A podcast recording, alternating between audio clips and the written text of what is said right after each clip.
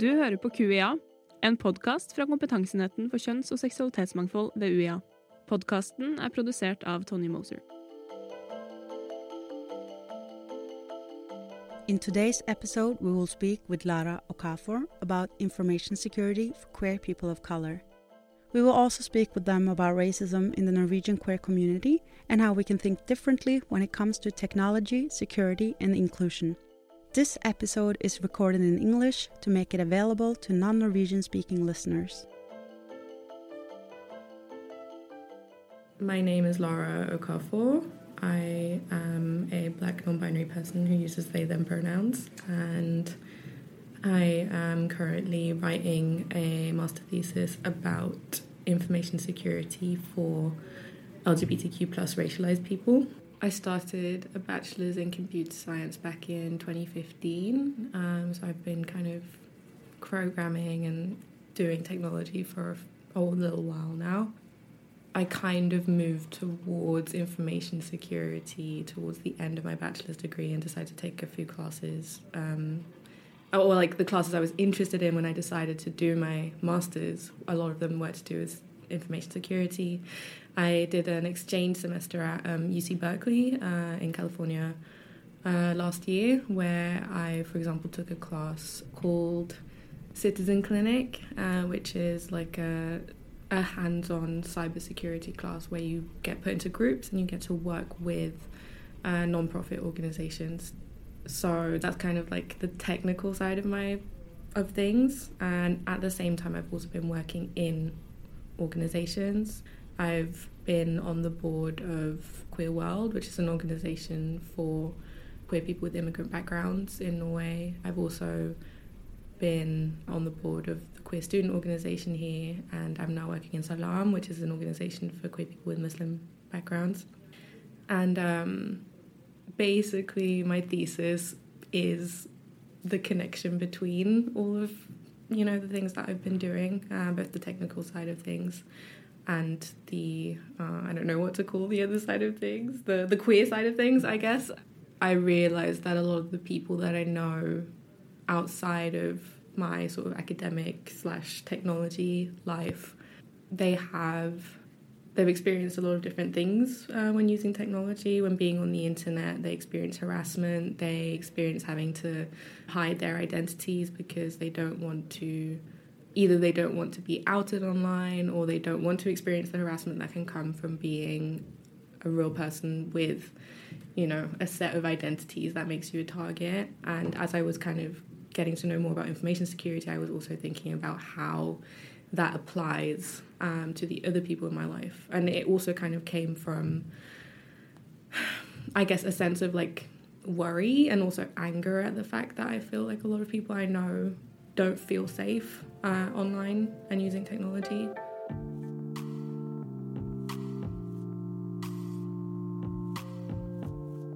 In, in a sense, it's like the the two worlds that you've been interested in and active in is now combined. Is this something that is um, already out there, or when you're doing your research for this? Is there a lot of information, or are you kind of like plowing new fields? So far, I'm not finding a lot of stuff that specifically addresses queer people of color and information security. You see a lot of stuff that is the two separate. So things about queer people of color and things about information security. Sometimes you see stuff about information security for specific groups of people. I haven't really seen much that that crosses the two worlds. There seem to be that you have picked up on your friends experiencing these negative effects of a discriminatory technology or internet or social media platforms. Do you have any specific examples? Yes, I mean many, um, and and it ranges from things that are kind of actively, uh, like people being actively harassed or hacking attempts, to also smaller things I've noticed, which is, for example, um, I've attended a festival for a few years that is specifically for queer people of color, and something I noticed very often was that when people added me online, they didn't use their real names uh, in their social media profile. And this this is the thing that I've noticed is much more common in this specific group of people than uh, in a lot of others. And then more specific things that I've spoken to people about is I, I know a lot of people that, especially if they're ever visible online, if they, you know, get a lot of attention, whether that's by posting on social media or being covered in newspapers or stuff like that, is um, it will often be followed by uh, really horrible harassment, horrible messages uh, in their inboxes, hacking attempts. I have friends that have had to go to the police and had their identity basically made secret uh, because of the amount of harassment that they've received. Yeah, it's it's it's a large range of things. And this is uh, referring to to Norway, or is it uh, based in several countries? The secret identity experience is in Norway. Some of the other stuff is, but it generally in Europe. So I mean, I that's my experience. I'm I, I grew up in Europe. I've lived in Germany, the UK, and Norway. So that's where most of my experience is from. Um, and this is still like the things I'm talking about now are kind of on a global scale. It's the lighter end of things. So I follow, for example, a lot of queer Nigerian people on social media, and that's a whole different level of having to be careful because um, it is criminalized to be queer there. Uh, so there you can, for example, risk um, having the police uh, harass you, take away your technology, use what you've posted on social media and what's on your phone or laptop against you. You can also experience people with bad intentions. So, for example, if you meet someone on a dating app, they might not be who they say they are. Um, you could turn up somewhere and they could rob you. Or uh, there's a there's a phenomenon in Nigeria that's called keto, which is you go to meet someone and then they basically kidnap you and hold you for ransom. And this happens to queer people more often because of the nature of having to be very discreet and yeah. So it's Europe is the is the tip of the iceberg.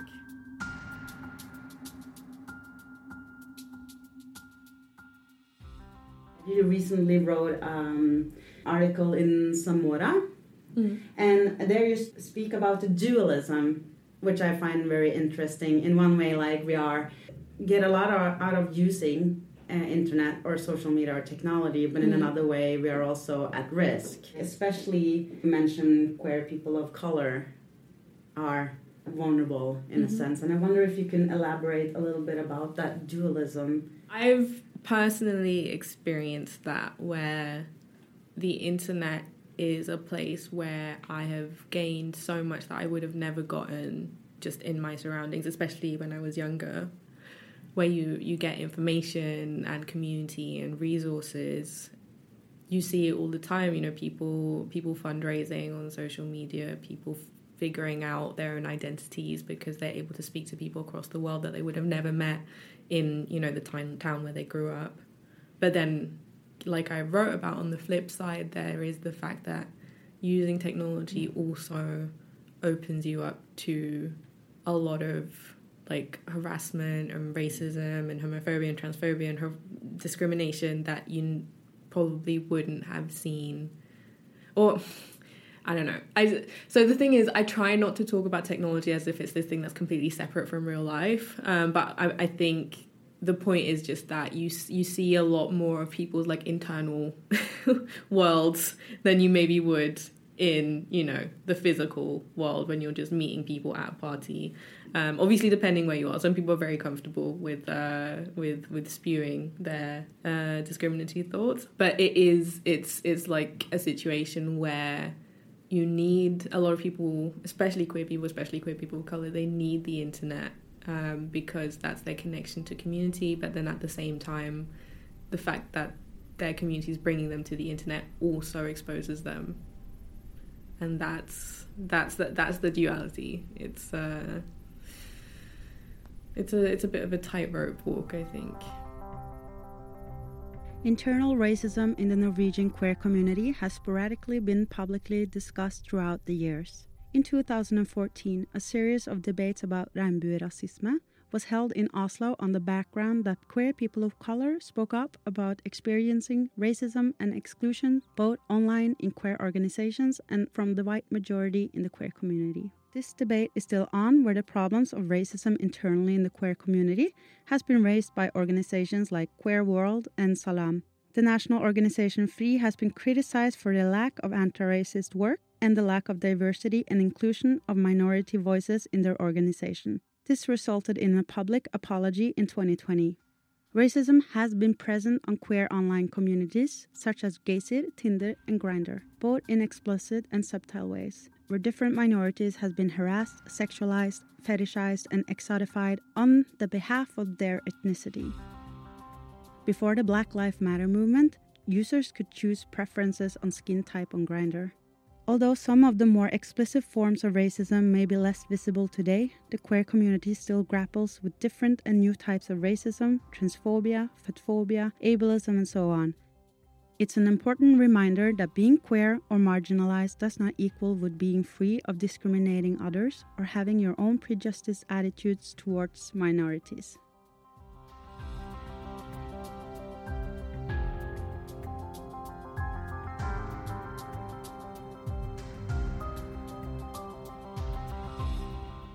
Through apps like Grindr and Gaysir uh, and Tinder, we actually discovered in Norway how racist the queer community is. That they have, uh, and also ableist, and you know all of the uh, yeah, ableist, fatphobic, yeah, uh, transphobic, yeah, like the whole the whole shebang, all of it, all Yay. of it. Was there ever a cleanup, or did it have a positive effect because it was spoken a little bit about years ago? Mm did it benefit from being exposed or I don't know. I I haven't I don't know if anyone's doing like empirical research on the differences if there's been a difference in the way people you know behave or um, talk in their bios um, i get the sense that this stuff is more widespread on for example like Grindr than it is on Tinder. Uh, I haven't personally seen a lot of it in my swiping, but I have friends that have uh, experienced more. I think what what I experienced when this conversation was happening was that there was kind of an unwillingness to really tackle it as a problem because people find it very hard to talk about their desires um, as like a political thing. Uh, so the sense I kind of got from the conversations that was that some people, like the people that weren't the issue, were kind of like, yeah, this is horrible. But people who might have felt that way, you know, that like they don't want to date they don't want to date black people. They don't want to date Asian people. They don't want to date uh, femme presenting men. They don't, you know, all of that stuff. That it was, they just see it as a preference. And I don't really know that those, if those conversations changed their minds in any way because it is is as political as the personal as the personal gets, um, or like as personal as the political gets so I think it is very difficult to have conversations about it, and especially to make people change their minds or even think that it might be a problem that they can deal with. Um, so I genuinely, I genuinely don't know if it's made any difference.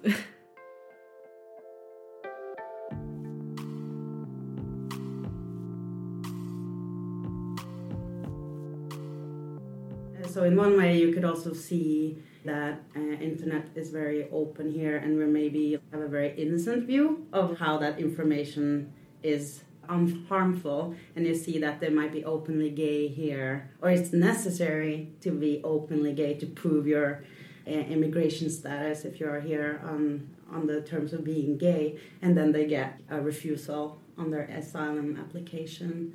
Do you have any thoughts on that in case of like being a precarious queer person and then losing that security in a sense if you understand what i mean yeah uh, i do Um, I mean, it, it is through my work in Skeiv that I really got a an actual sense of the scope of that issue, um, which it, like it's exactly as you say. Um, if you, for example, are an asylum seeker and you're going through the process of trying to gain asylum in Norway on the grounds of your sexuality or your gender identity, there's a very, very narrow box which you're supposed to fit in, um, which is very much according to Western ideas of what being queer looks like. Um, and these are things like, yeah, be, being quote unquote let out and proud. And there's also things like if people want to bring their partner with them from somewhere, you have to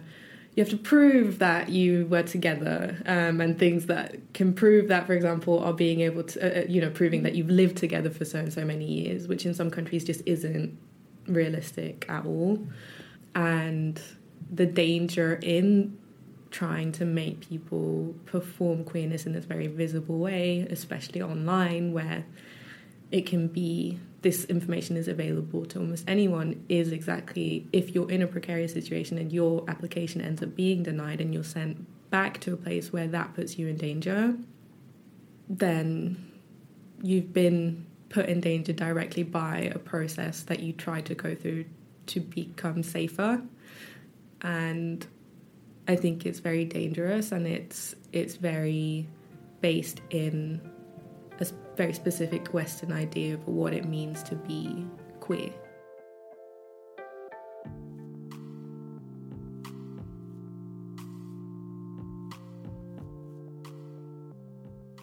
In 2017, Deniz Akin published her dissertation with the title Queer Challenges to the Norwegian Policies and Practices of Immigration. Akin uses the term rainbow splash to explain how queer asylum seekers engage in the process of translating their sexuality and the Western style of loud and proud sexual identity.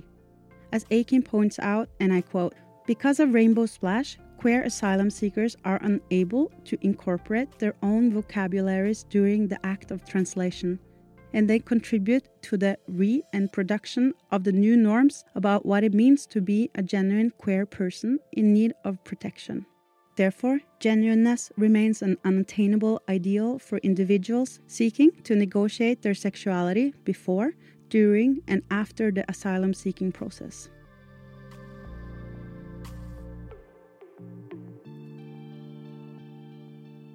When you have a privileged status like being white or being cisgendered online, it's maybe hard to even think these thoughts in a sense when it doesn't really strike as personal and it's easy to overlook racism and ableism and transphobia and so on. How can the Norwegian government create big data or create safety for people that are precarious in a society that might not even reflect on it?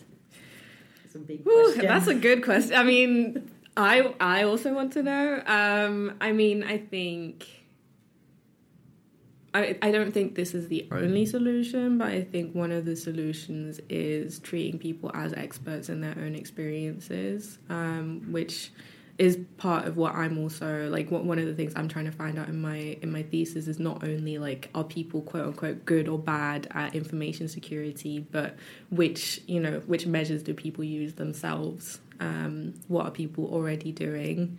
Because the quote unquote experts aren't they're usually experts on a very small in a very small niche and usually their idea of the user that they're making things for is also very specific. So I think that the best way to make something safer or better for a specific group of people is to actually ask them about their experience and not just ask them but like employ them. Make sure that they're able to have power in any decision making processes that's like my main answer usually to those sorts of questions is you need to ask the people who are actually affect uh, and treat them like the experts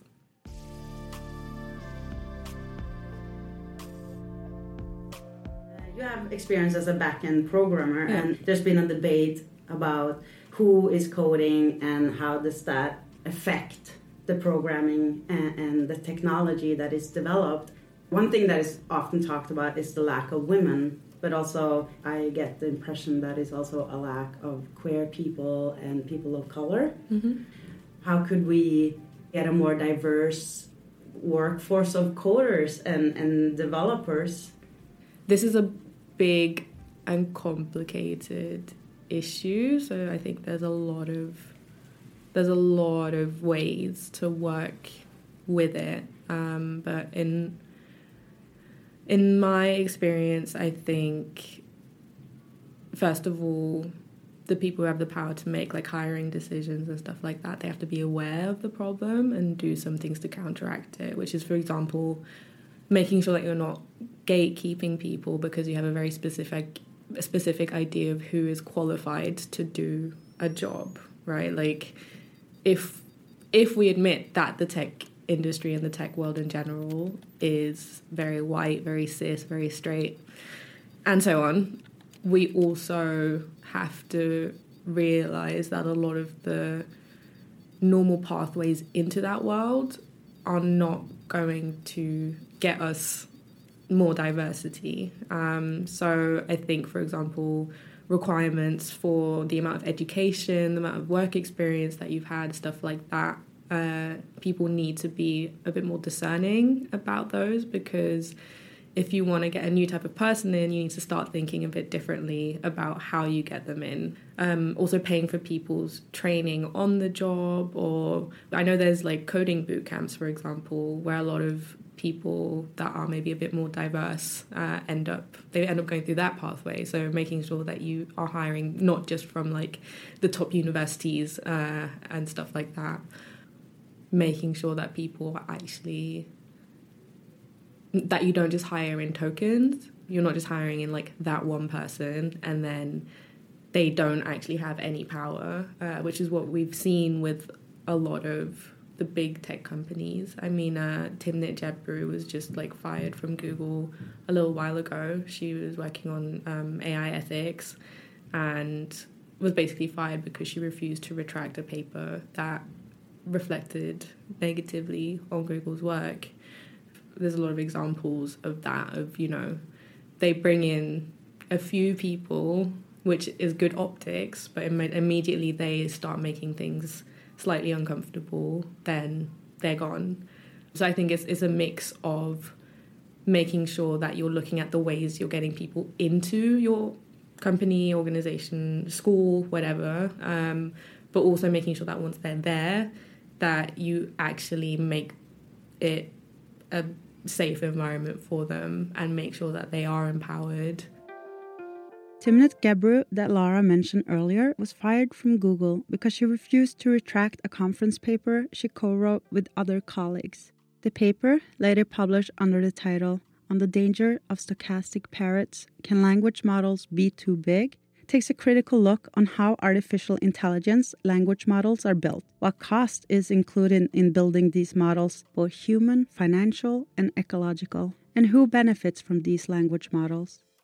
We are going to listen to a small excerpt from a lecture co writer Professor Emily Bender's had at the Alan Turing Institute regarding this specific paper.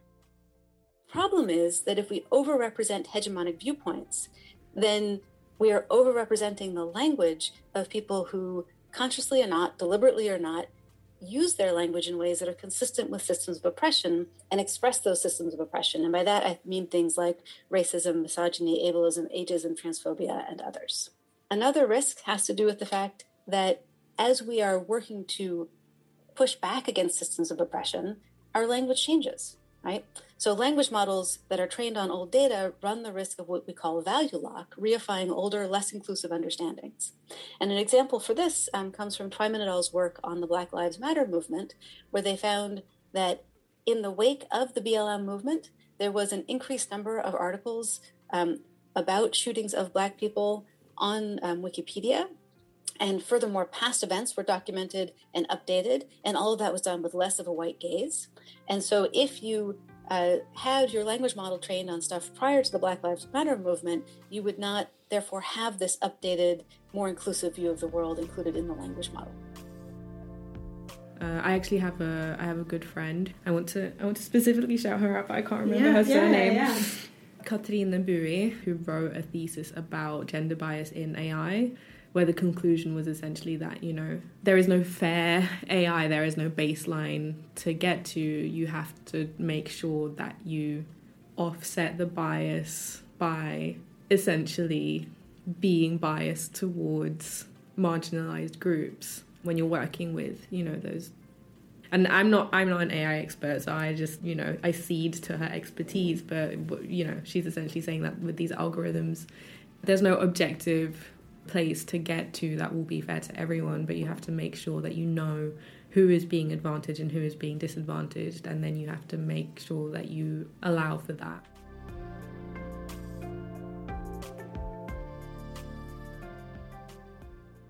there's the um, term decolonizational approach in design if you can elaborate that and what that mean in a sense. Is that also a very big question? Yeah i mean i don't i don't even know if i know. I, i'm still i feel like i'm still grappling with certain terms. So like like decolonization and intersectionality i'm like i've been i've been grappling with them for years and i'm still not 100% sure that i can fully explain what it means. I was taking a class called Design Society and Technology, uh, which is essentially about like exactly what it sounds like in the title. Um, we're talking about kind of the ethics of technology and designing technology, who's making the technology, what decisions are being uh, made, and I think decolonization of design is essentially looking at the whole design process and how it has been formed by colonial ideas, the the norms and practices that people have, who is it that's making design decisions and trying to kind of think about how can we counteract colonial ideas that we have taken with us into and that's I mean I think that's true for like almost any you know, uh, industry or work process or whatever. It's, I think in technology, especially, a lot of the big tech that we're using is being made in Western countries. A lot of it is coming from the US. So when it's being made, there's a very specific worldview and there's a lot of very specific assumptions that are probably being made. I think decolonization is basically making sure that you're decentering the kind of majority or like the expected view. Maybe in a year I'll have a different answer because I'm again I'm still working I'm still working with what it means myself. When you say decolonization or intersectionality, it's like these buzzwords also, but when you start dismantling them, it's kind of tricky because in a way, like saying a decolonized idea of something that is the norm is even hard for me to imagine yeah. how an alternative technology would look like because we use so much all over the place and we use them for so many tasks or they, we navigate through time or or living through this technology. So in one way, what are we missing out in a sense for reproducing a one type of worldview and also that kind of domination in in capitalism, if you could say mm -hmm. it mm-hmm. like that. So, is there any examples for another way of using or understanding technology in other worldviews? Good question. Um, so, in the zine, I had a page that specifically um, I'd, I'd like cut out parts from an article about decolonization of design, uh, and that article was about a Google project that was aimed towards users in India. And it was kind of talking about the fact that the users there are very different from the average, like North American user, for example. M- most people, there's a lot of people with uh, smartphones, maybe not as many people with PCs. Uh, pe- not everyone speaks English or uses it as a, you know a written language. So it was like considerations like that. But I think I think the thing that I find about diff- a bit difficult with using decolonization in that context is that is decolonization making things more diverse because I feel like I don't know if that if I don't know if that's what it means. So I'm not. I think what I'm saying is that I'm not even sure, like within the context of the article, whether I actually agree that that is decolonization. Like you said, it's very. It's really hard to even imagine something that doesn't exist in our world. How do we even agree on what decolonization is? Because at the end of the day, our imaginations are very controlled by the way our world looks like now. Um, but I guess, I don't know. I mean, what has colonialism given us? Uh, and how how do we take that out of technology? I think I, I, imagine that you know a decolonial design decolonial technology would look like going to the people who are doing the work of figuring out what our world looks like. I don't know if we can decolonize because I feel like it's it almost implies that we're going back to like a pre colonial time maybe but i think we can we can maybe be post. We can i don't yeah i don't know. Or maybe uh, like you said uh, when it came to coding which voices are we bringing in and how are we training people into creating technology? Yeah. so in a sense like flipping it when creating new technology we are taking voices from around the world and creating more diversity in a sense of like yeah yeah and what are the like what are the base assumptions when we're making the technology and are we willing to accept that the the ways we are doing things might not be the right way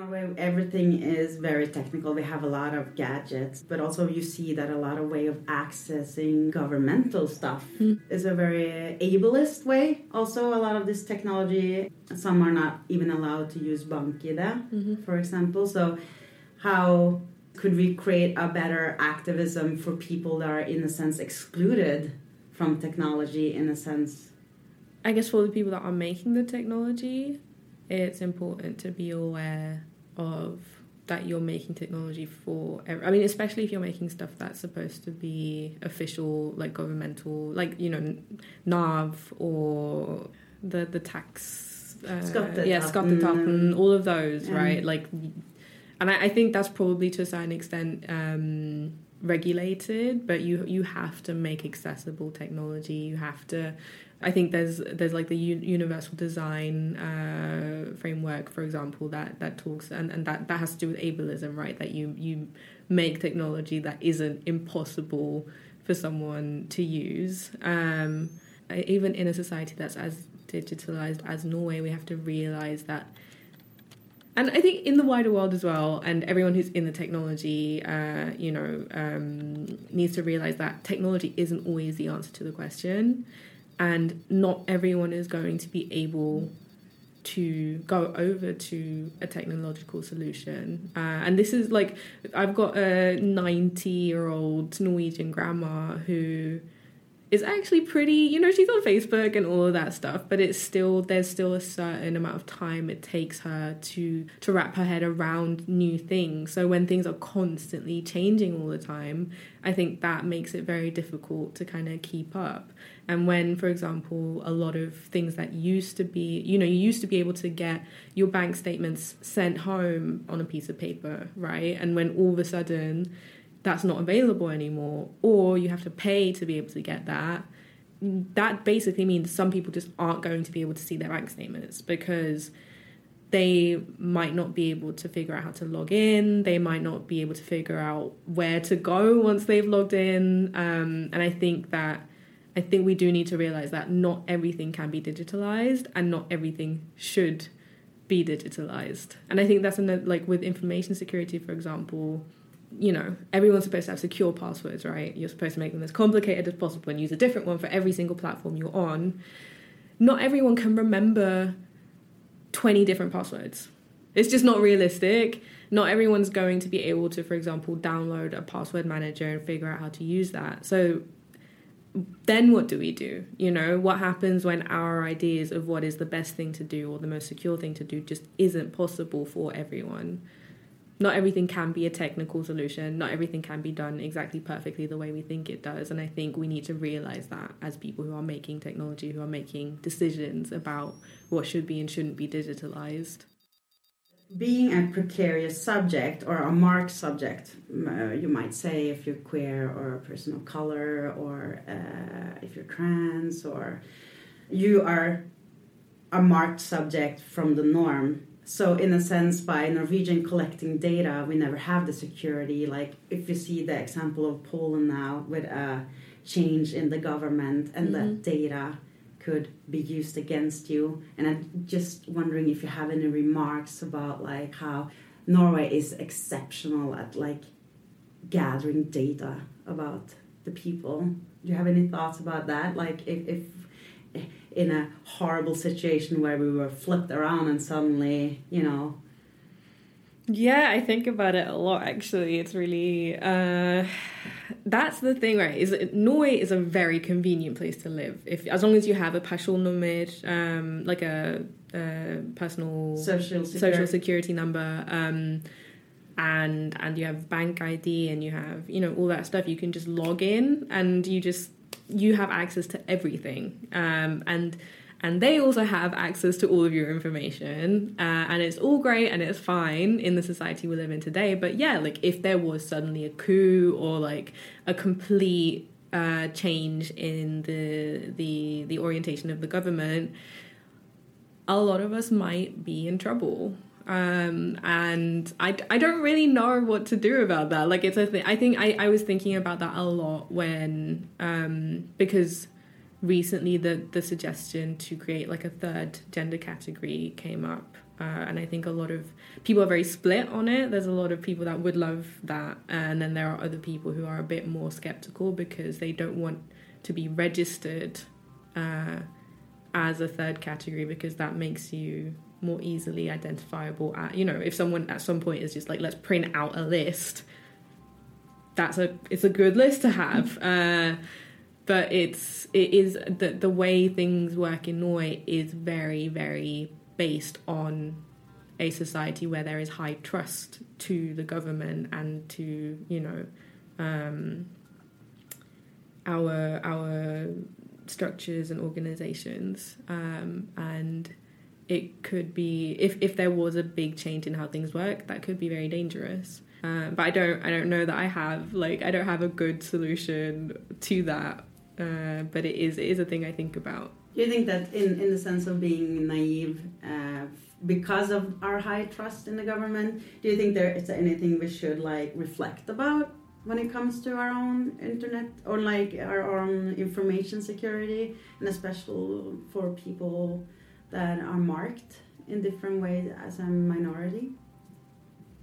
I I mean, I think I'd I don't really have anything that's that much different than what you usually hear. I just I think you need to be careful with the types of information you give out. Don't give out more information than you need to.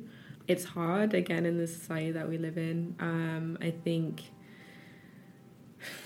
one of the things I've actually been that I think about on and off is the fact that it's becoming less and less possible to pay using cash in Norway, which like I feel like a, a, lot of the arguments around that are like, but why would you care if you're not a criminal? But it's like again, you know, it's fine now in a high trust society, but if things were to change, people being able to, you know, see every single place you've used your money is not a good thing. And also for people who are who are homeless, for people who don't necessarily might not have access to a bank card or different things like that. Again, it's about accessibility, right? We're making a society where some people just aren't able to function uh, within the structures that we have. I don't know. I think I'd say just be like be aware of the potential of every every change and decision that is made. It's not a given that we will have forward progress because uh, that's not really how history works. We're not just in like a marching forward line towards like the Enlightenment. Um, things can change. I'm not saying they will, but they can. Uh, and I think I don't want to be like paranoid, but we do need to have that in the back of our in the back of our mind uh, our minds. Also, we have to work to make sure that it stays as safe as, as it's been. I think like I think that it's it's nice living in a society where there's high trust, right? But like we have to work for it. Uh, so like I think another thing is just don't get too comfortable. Uh, we have to make sure that it stays that way.